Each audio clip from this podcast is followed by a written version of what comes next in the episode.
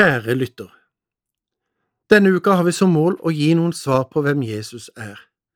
For meg har det vært godt å feste blikket på noen av de mange sannheter som Bibelen viser oss, når Den hellige ånd får gi liv til ordet om Han som er veien, sannheten og livet. I dag er spørsmålet Hvem er Jesus? Og svaret vi ønsker å begrunne er Han som gir liv. Kan hende du kjenner lignelsen om såmannen, han som sår sitt korn, og kornet er sammenlignet med Guds ord. Og når vi mennesker tar imot ordet, sammenlignes vi med fire slags typer jord. Beretningen finner du i Lukas kapittel 8 fra vers 3 til 15. Jesus har reist rundt og forkynt evangeliet, og flere har fulgt han. Deriblant disiplene og andre navngitte personer, som for eksempel Maria Magdalena, som var, som var befridd for syv onde ånder. Og så hører vi om fire slags jordstyper, når bonden sår kornet sitt, som er et bilde på Guds ord. Noe av såkornet falt ved veien. Det er de som hører ordet, men så kommer djevelen og tar bort ordet fra deres hjerte for at de ikke skal tro og bli frelst. Noe av såkornet falt på steingrunn. Det er de som tar imot ordet med glede når de hører det, men det har ingen rot. De tror til en tid, men i prøvelsens stund faller de fra. Atter noe av såkornet falt blant torner. Det er de som hører, og mens de vandrer frem, kveles det av bekymringer og rikdom og livets lyst, så de ikke bærer fullmoden frukt. Jeg håper ingen av disse tre jordsmonn er representert blant lytterne i dag.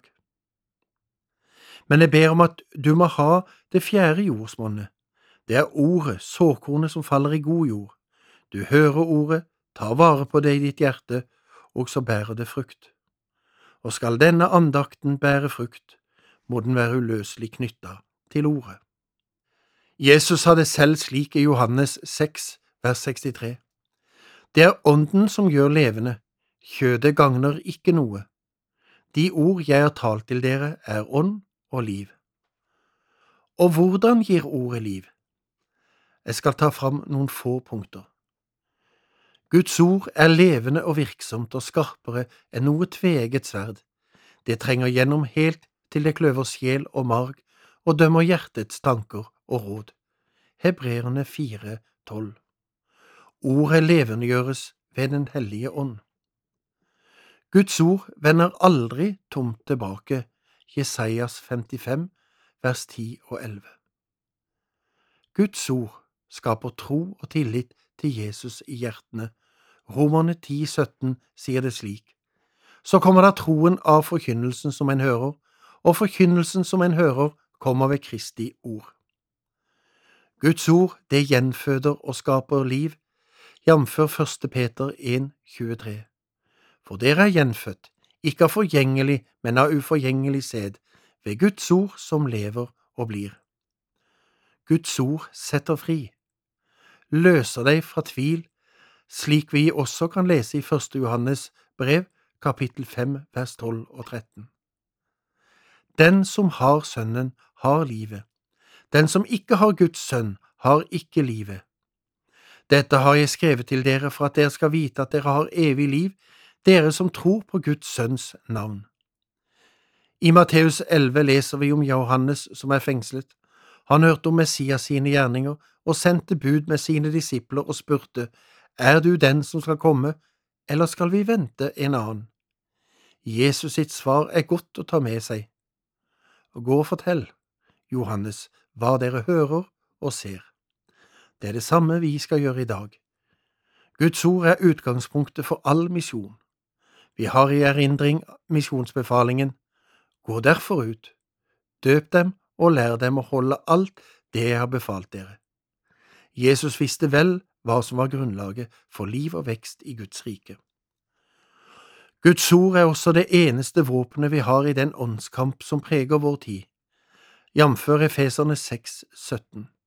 Ta frelsens hjelm og åndens sverd, som er Guds ord. Det er ved ordet vi vinner seier, når det får falle i god jord. og når vi har sådd ordet, skal vi ha samme tillit til det som såmannen har til sitt såkorn. Det gir vekst. Jesus selv bruker vintreet som eksempel. Johannes 15, 15,5 Jeg er vintreet, dere er grenene. Den som blir i meg, han bærer mye frukt. Foruten meg kan dere intet gjøre. NRK har de senere årene laget minutt for minutt-program. I sommer har de fulgt statsråd Lehmkuhl, de har fulgt Hurtigruten tidligere og reinen på Finnmarksvidda, blant annet. Tenk om de hadde fulgt en frukt fra april til innhøstning. Du ville sett nytt liv gro fram og se at det som var dødt, blir til blomst før det blir til frukten som plukkes når det er modent. Hva kan frukten gjøre for sin vokster? Ingenting, bortsett fra å ta til seg næring fra vintreet. Det er årsaken til voksteren. Hvordan kan du vokse i nåde og kjennskapet til Jesus på en slik måte at han vokser i ditt liv og du avtar? Ta til deg næring. Ta til deg ordet, for det er det som gir liv. Jeg har sammenlignet reisen med Jesus som å gå mot et fjell langt borte. Jo lengre borte du er fra fjellet, jo større synes du i forhold til det fjellet.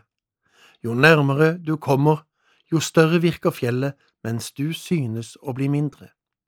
En slik reise opplever du med Jesus i ordet, og det er en sunn vekst. Og en fin liten ting til, jo nærmere du kommer fjellet, jo mer ser du detaljer du ikke så på avstand. Bruk tid med Jesus. Hvem er Jesus? Han som gir liv. Kjære Jesus, takk for at du gir liv, og at det livet er i meg, av bare nåde. Amen. Vi håper dagens andakt med Ragnar Ringvold var til trøst for deg i dag. Serien produseres av Norea Mediemisjon, og du kan lese mer om vårt arbeid og våre prosjekter på norea.no.